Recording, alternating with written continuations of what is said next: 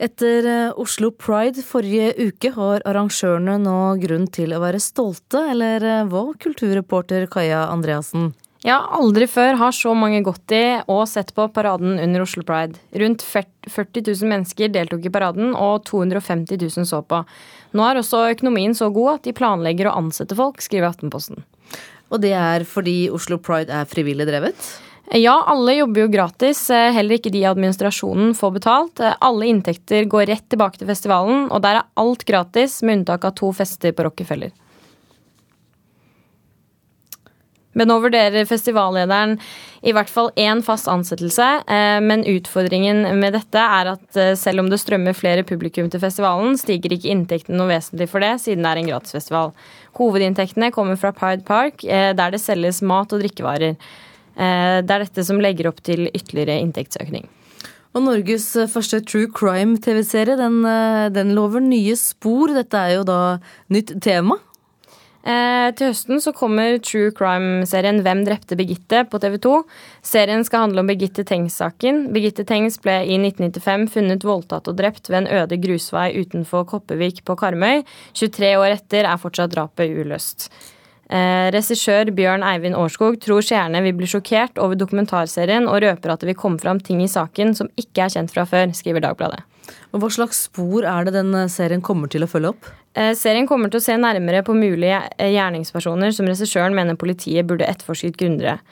Eh, politiet fikk kritikk for etterforskningen sin, og serien skal vise hvilke konsekvenser dette fikk for lokalsamfunnet og for fetteren til Birgitte Teng, som ble siktet, dømt og så frifunnet for drapet. Takk skal du ha, Kaja Andreassen. I helgen åpnet Galleri F15 en eh, utstilling med den verdensberømte indisk-engelske kunstneren Anish Kapoor. Mona Palle Bjerke, kunstkritiker her i NRK, vi må begynne med å si noen ord om denne kunstneren. Hvem er han?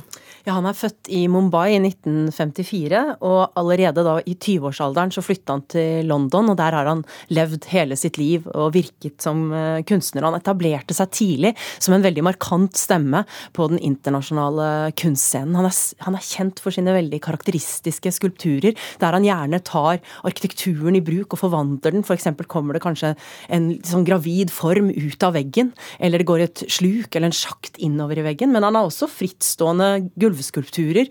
Det kan være bestrødd med pigment. Han lager også tegninger og trykk og veldig mye annet. Han er opptatt av brytningen mellom eh, nærvær og tomrom, mellom overflate og innside, mellom eh, det konkave eh, og det konvekse, og også mellom form og det immaterielle. Ja, på hvilken måte da?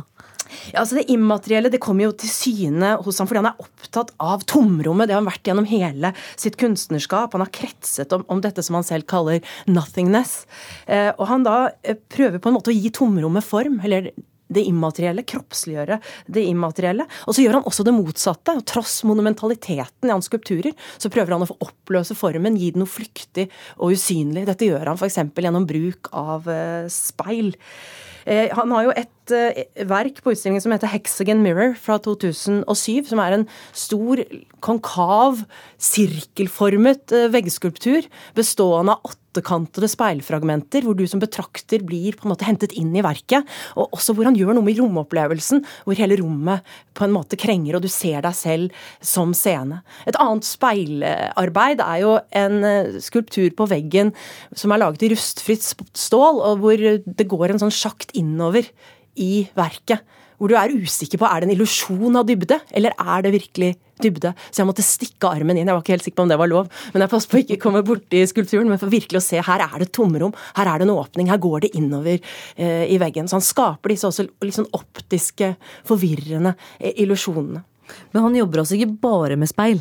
Nei, det gjør han ikke. Altså, han har jo eh, også tegninger han jobber med trykk, og han jobber med disse fascinerende gulvskulpturene som er bestrødd med, med pigment, og med sterke farger ofte, hvor også pigmentet fortsetter utover gulvet, slik at det ser ut som skulpturene vokser opp som organiske, delvis geometriske former. Og her henter han inspirasjon fra kryddermarkene eh, i India.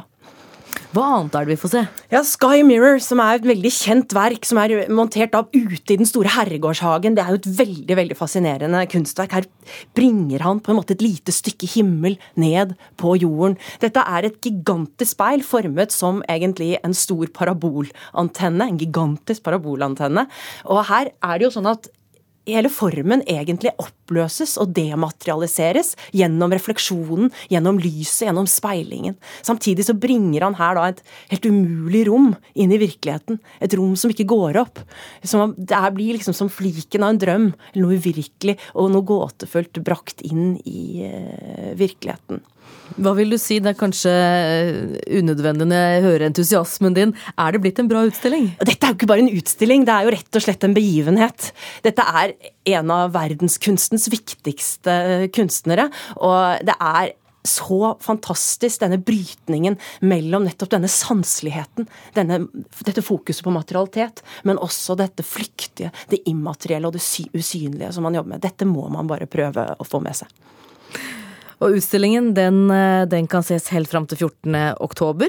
Ja, det stemmer. Så det, man har jo god tid, men det gjelder å ikke vente for lenge, for plutselig er eh, tiden gått og utstillingen er tatt ned. og stedet det er Galleri F15 i Moss. Takk for at du kom eh, til studio. Kunstkritiker her i NRK, Mona Pale Bjerke.